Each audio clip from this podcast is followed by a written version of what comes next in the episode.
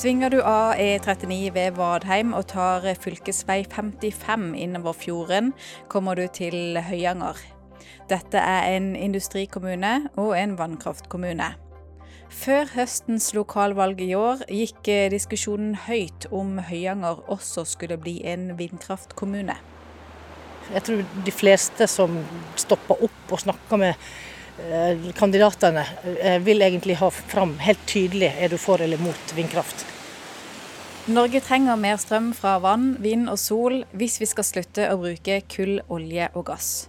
Å erstatte fossil energi med fornybar er det viktigste tiltaket for å kutte utslippene til null. Men enkelt og konfliktfritt er det ikke. Dette er femte episode i podkastserien 'Norges vei til null'. Den er laga av meg, Kirsten Øystese, med hjelp av Erlend Hermansen, seniorforsker ved Cicero, Senter for klimaforskning. Ansvarlig redaktør er Anders Bjartnes. Takk til Fritt Ord, som har gitt støtte til produksjonen. Vi holder på å skal fjerne noen rotter vi på noen store tujaer som vi har fjerna. Eh, navnet mitt er Astrid Repsdal. Jeg heter Gøran Malm. Det er grått og vått i Høyanger. Bortsett fra et par ungdommer som løper for å rekke Barbie på kinoen, er det få andre enn Astrid og Gjøran utendørs. Astrid og Gjøran har totalrenovert huset, bygd på, skifta kledning, og nå står hagen for tur. Astrid har ingen planer om å flytte fra Høyanger. Jeg har bodd her hele mitt liv, jeg. Og det er nå 57 år. ja, jeg er en skikkelig Høyanger-patriot. Hvorfor det? Fordi at jeg er veldig glad i verdiene som eh, Høyanger har. At det er et lite lokalsamfunn, alle kjenner alle. Vi har eh, en stor og trygg, eh, har vært i alle år arbeidsplass på Hydro. Jeg har jobba der i hele mitt liv. Så Høyanger er viktig for meg. Norge skal jo kutte store utslipp de neste tiårene, og mye av det handler om å bytte ut fossil energi med fornybar. Og da trenger vi mer fornybar energi i Norge. Og også i Høyanger er jo dette blitt en sak, og særlig da synet på vindkraft. Hvordan engasjerer vindkraft her i Høyanger?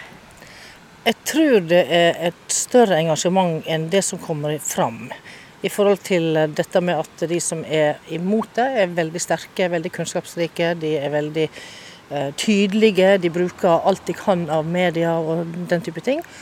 Og dersom de som kanskje har en annen mening stikker huet fram, så blir det veldig negativt eh, lada både på Facebook og andre plasser. Har sett at det, det er ikke lett også for den som tør å si at de er for det. Så eh, ja, jeg tror det engasjerer mange. Hva tenker du sjøl om prosjektet, da? Jeg har ikke gjort meg opp noen mening ennå. Jeg burde sikkert ha gjort det, men jeg føler at jeg har ikke nok Eh, kunnskap enda, og Foreningen som vi har på hydrokjemiske har heller ikke tatt noe standpunkt enda, fordi vi, vi, vet for lite. Men det er klart det er jo forlokkende når Hydro som vår arbeidsgiver går inn i et sånt stort prosjekt. Så sier du noe om at eh, det kanskje er veldig forlokkende for mange, men at du kanskje ikke tør å si fra. Du sier det at de som er for, gjerne ikke tør å si det. Hva kommer det av, tror du, når det gjelder vindkraft?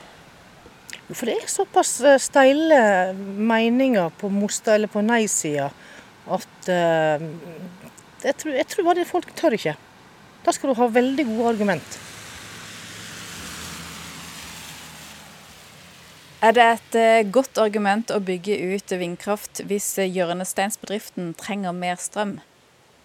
Og er det bedre eller dårligere argument å bygge ut vindkraft for å elektrifisere olje- og gassproduksjonen? Mens eh, vindkraftdiskusjonen fortsetter i Høyanger, holder statsminister Jonas Gahr Støre en pressekonferanse litt lengre nord i landet. Ja, God morgen, alle sammen. Eh, det er jo veldig flott å stå her på en solfylt dag. som Regjeringa har beslutta at det skal bygges ut mer kraft og mer nett, og at LNG-anlegget på Melkøya i Hammerfest skal elektrifiseres. Fornybar energi skal erstatte fossil så vil denne beslutningen vi nå tar, utløse det største enkeltstående klimagasskuttet noensinne vedtatt av en norsk regjering. Denne beslutningen vil muliggjøre et kutt på 850 000 tonn CO2. Norge kan altså kutte utslippene med 850 000 tonn hvis Melkøya elektrifiseres. Hvis eh, gass erstattes med strøm i Yaras kunstgjødselproduksjon på Herøya, kan vi kutte 800 000 tonn CO2 der også. Og hvis alle personbiler som går på bensin og diesel erstattes med elbiler, kan vi kutte mer enn 4 millioner tonn CO2. For eh, det er vårt store forbruk av fossil energi som er vårt største klimaproblem. Nesten halvparten av all energien vi bruker i Norge, kommer fra fossil energi. Altså fra kull, olje og gass. Skal Norge kutte utslippene til null, må vi slutte å bruke fossil energi. Men det er ikke det som har skjedd. Faktisk bruker vi mer fossil energi i Norge i dag enn i 1990. Først og fremst fordi vi bruker mer fossil energi til å produsere fossil energi. Sammen med transportsektoren og industrien er petroleumssektoren blant Norges tre største utslippssektorer. Og det er her vi må få til store utslippskutt fremover. Og Erlend Hermansen, seniorforsker ved Cicero. I den tredje episoden så snakker vi om at utslippene fra industrien er 40 lavere i dag enn for 30 år siden. Men det har ikke skjedd i petroleumssektoren. Nei, da har de da økt med 48% siden 90. Eh, og det, det har med, med, to ting å gjøre. Det ene er at uh, ressursene, altså petroleumsressursene kan ligge mer utilgjengelige, så du må bruke mer energi for å få det opp. Eh, samt økt aktivitet. At vi har uh, mer olje- og gassaktivitet uh, enn tidligere. Det medfører økte utslipp. Samtidig så er olje- og gassektoren mer effektiv nå enn den var tidligere, bl.a. fordi vi har innført virkemidler. Uh, CO2-avgiften ble jo innført i 1991, og kodesystemet fra 2008. Så det, det, den politikken har ført til at utslippene er mindre enn de ellers ville vært. Det er jo sånn at eh, en tredel av Norges utslipp de kommer fra transport, og en fjerdedel kommer fra industri, og så er også petroleumssektoren ansvarlig for en fjerdedel. Hva skyldes utslippene fra produksjon av olje og gass? I stor grad så skyldes det eh, altså, gassturbiner eh, som brukes til å lage elektrisitet, som eh, vi bruker til å utvinne Eh, petroleum, og til å transportere og til å prosessere det. Hvis produksjonen av olje og gass skal bli utslippsfri, hva må vi gjøre? Det er da, eh, hvis vi går på, på, Hvis vi begynner med si, teknologiske fikser, da, eh, så er det jo da elektrifisering. Eh, nå har vi jo akkurat vært mye oppmerksomhet rundt Melkøya eh, og elektrifisering av den. Eh, er, det, det, er en viktig bit av det. Eh, den andre er karbonfangst og -lagring, altså CCS, som var en annen mulig løsning på Melkøya. Så har du da effektivisering. Det er stadig prosessforbedringer. Eh, og til sist så kan du da redusere faklinga. Eh, men den er ganske liten i Norge sammenligna med mange andre land. Eh, den andre, som mer handler om hva skal man si, atferdsendring, er et lavere aktivitetsnivå på, på sokkelen. Uh, og, uh, men det har det jo egentlig ikke vært politikk for å, for å få til. Snarere det motsatte, så har vi hatt en politikk som, som har på en måte lagt til rette for vekst i sektoren, og det har vi, har vi fått. og det er, jo, det er jo et politisk spørsmål, ikke sant. Hvor høyt aktivitetsnivå skal du ha på sokkelen? Så det er ulike måter å kutte utslippene på. Men hvilke konsekvenser har det hvordan vi kutter utslippene fra produksjon av olje og gass? Altså, hadde du, hadde du fjerna, hadde du lagt ned olje- og gassektoren eller innført alle tiltakene, så hadde du jo fjerna 25 eh, av Norges utslipp. Eh, og da hadde vi kommet mer i klasse med en del andre land det, er naturlig å sammenligne seg med, som Sverige og Danmark osv. Uh, men så er spørsmålet ikke sant, hva, skje, hva, hva, hva, hadde skjedd med gassen uh, hvis, hvis, Norge elektrifiserte? Hva skjer med gassen da? Uh, går den til Europa og blir brent opp der, eller om man kutter uh, her, popper de utslippene opp en annen plass i kvotesystemet. Uh, et kutt er jo et kutt som sådan. Har du kutta et utslipp, så har du kutta et utslipp. Spørsmålet er om det popper opp en annen plass, enten at det forbrennes eller i form av en kvote. Men, uh, men det, det, er ikke, det, er viktig å huske at det er ikke, det er ikke nødvendigvis et én-til-én-forhold her mellom kutt, men det er heller ikke én til null. Det er en plass derimellom. Og fasiten på det er veldig veldig vanskelig å, å komme med. Men eh, det er på det rene at, uh, at olje- og gassektoren kommer til å, kommer til å være en viktig del av, av diskusjonen fremover. Og et av de grunnleggende spørsmålene i den diskusjonen det er jo om det gir mening å ha utslippsfri produksjon av olje og gass når vi fremdeles har utslipp fra bruken? Ja, der er du inne på en veldig interessant tematikk. Det er jo altså over 90% av utslippene kommer jo gjennom forbrenninga av olje og gass. Sånn sett så det vi er ansvarlig for i Norge, er um, da utslippene forbundet med produksjonen. Um, så, men for å si det veldig enkelt, altså løsninga på klimaproblemet er å slutte å brenne fossile brensler og slutte å hogge ned skog. Uh, gjør du det, så, så, er du veldig godt på vei mot å løse klimaproblemet. Uh, og det er ikke noe tvil om at Sett fra utlandet så kan denne elektrifiseringsdebatten vi har i Norge fremstå som, som ganske merkelig. Jeg snakker med flere kolleger i utlandet som syns det er ganske fascinerende at vi har den debatten i det hele tatt. For fordi så er det sånn det, Dette er jo det skitne, dette skal vi bli kvitt.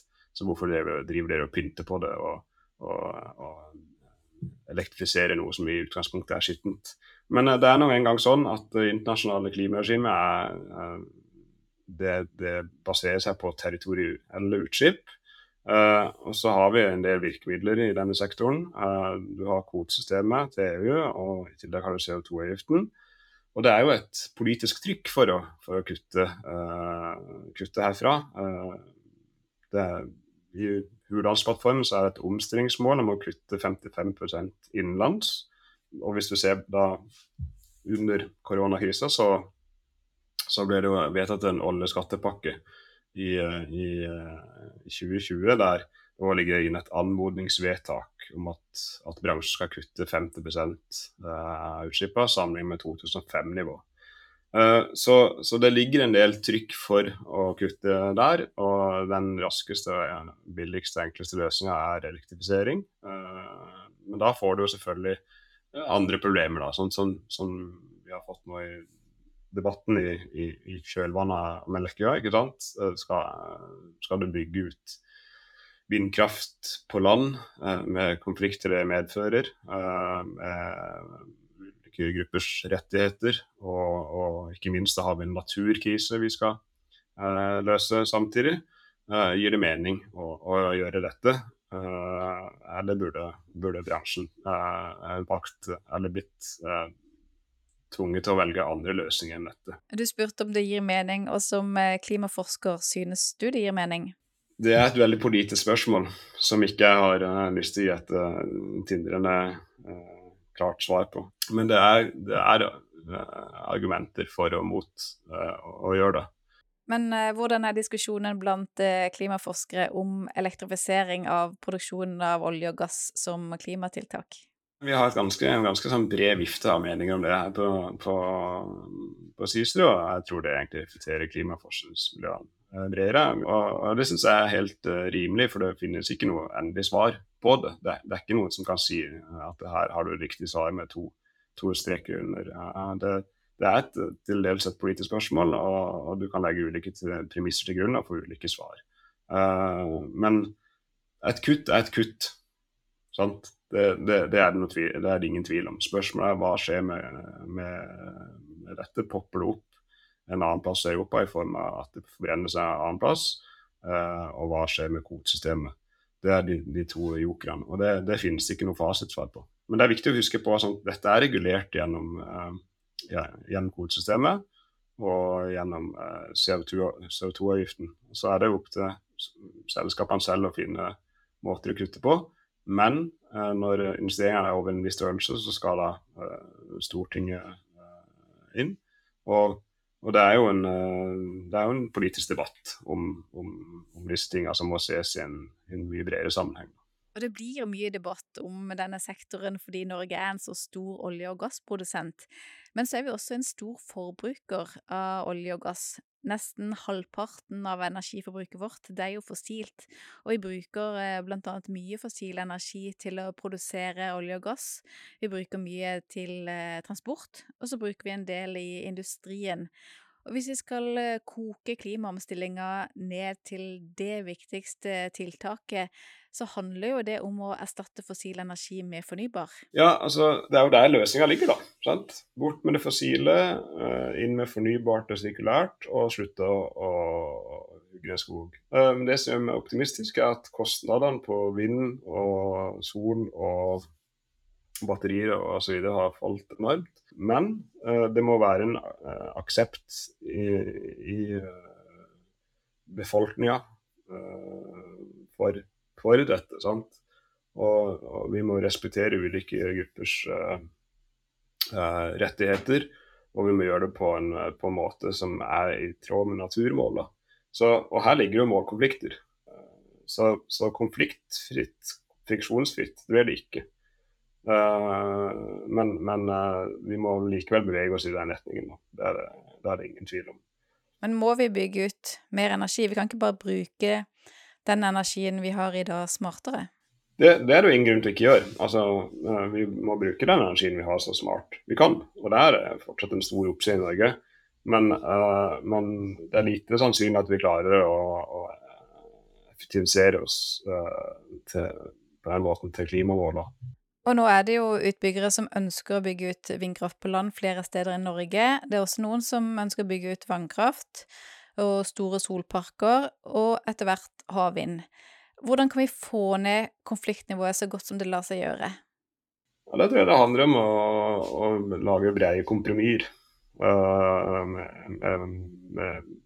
innen tre, trepartssamarbeidet, og, og, og, og, ikke minst på Stortinget. da man eh, forsøker å klare å bli enige om noen eh, langsiktige eh, linjer og, og målsetninger som, som, er i tråd med, med målene vi har satt oss. Da. Norge har en tradisjon for å lage brede forlik på viktige spørsmål. Ta, ta pensjonsreformen f.eks. Så det, det, da har vi en mulighet. Men at alle er enige om absolutt alt, er uh, vanskelig å se for seg. Sant? Men uh, i, i, de internasjonale klimaforhandlingene så er det ofte, så sier man ofte hvis alle går fra liksom bordet litt misfornøyd, så har vi virkelig oppnådd noe. sant? Og, og sånn tror jeg kanskje man må tenke litt i klimapolitikken også. At uh, det er ingen som får akkurat sånn som vi vil ha det. Det er give and take. Men så må vi prøve å ha uh, øya på målet her. Og det er å skape et uh, bærekraftig samfunn som er godt rusta mot klimaendringer og som tar inn over seg behova til fremtidige generasjoner. Nå har vi snakka sammen i fem episoder om Norges vei til null. Om hva det krever av teknologi og atferdsendringer og vilje. Så når du vurderer den oppgaven som vi har foran oss, nullutslipp i 2050, er det et mål som er realistisk å nå? Det kommer til å bli, til å bli veldig tøft å nå det målet. og En av grunnene til det er at vi har vi har uh, dytta veldig på klimahandling lenge i Norge. Vi har nådd våre klima, internasjonale klimaforpliktelser, ja. Men vi har bare kutta under 5 uh, Og det er, det, er, ikke sånn at du har uh, altså, Vi er ikke avhengig av klimapolitikk for å kutte heller. Hvis du er styreleder uh, eller administrerende direktør i en bedrift, så kan du bestemme deg for å, for å ta grep. ikke sant? Det er ikke noe man må gå og vente på politikken hele veien. Så det, det, det kommer jo til å være et veldig trykk, altså et tiltagende trykk antagelig, for å, for å kutte. Men, men, det blir jo det blir jo ikke, det blir ikke enkelt. Og en del av grunnen til det er at vi har venta så lenge med å komme ordentlig i gang. Det, det, er på en måte Det har aldri vært så mye klimapolitikk i verden, det har aldri vært så mye målsetninger. Og paradokset er jo da at det aldri har vært så høye konsentrasjoner av klimagasser i atmosfæren heller. sant? Spørsmålet er når begynner det å bite? Når begynner vi å knekke utslippskurven og bevege oss mot målet? Uh, det er realiteten der vi er nå. Mm. Men hva er det som gir mest grunn til optimisme? Det som gjør meg optimistisk, er at vi har aldri hatt såpass masse eh, målsetninger som vi har. Vi hadde hatt såpass mye klimapolitikk. Vi hadde hatt så lave priser på, på en del eh, fornybare teknologier. Det gjør meg optimistisk. Eh, men jeg blir òg pessimistisk når jeg ser på konsentrasjonen av klimagasser i atmosfæren og det, er, det, er, det som gjelder. Uh, det er det som, der er fasiten ligger. så, så, det er jo paradoksalt at på den ene sida ser det positivt ut, på den andre sida ser det negativt ut. Men om fem år til så vil ting se annerledes ut, og jeg håper at det er til det bedre. Om fem år er vi i 2028. Jeg vet ikke hvordan Norge ser ut, men jeg vet at hvis vi skal komme til null i 2050, så må vi få til mye større og raskere kutt i utslippene de neste 27 årene enn det vi har fått til siden 1990. Dette var siste episode i podkastserien Norges vei til null. Den er laga av meg, Kirsten Øystese, med hjelp av eh, Erlend Hermansen, seniorforsker ved Cicero, Senter for klimaforskning. Ansvarlig redaktør var Anders Bjørtnes. Takk til Fritt Ord for støtte til produksjonen, og takk for at du lytter på.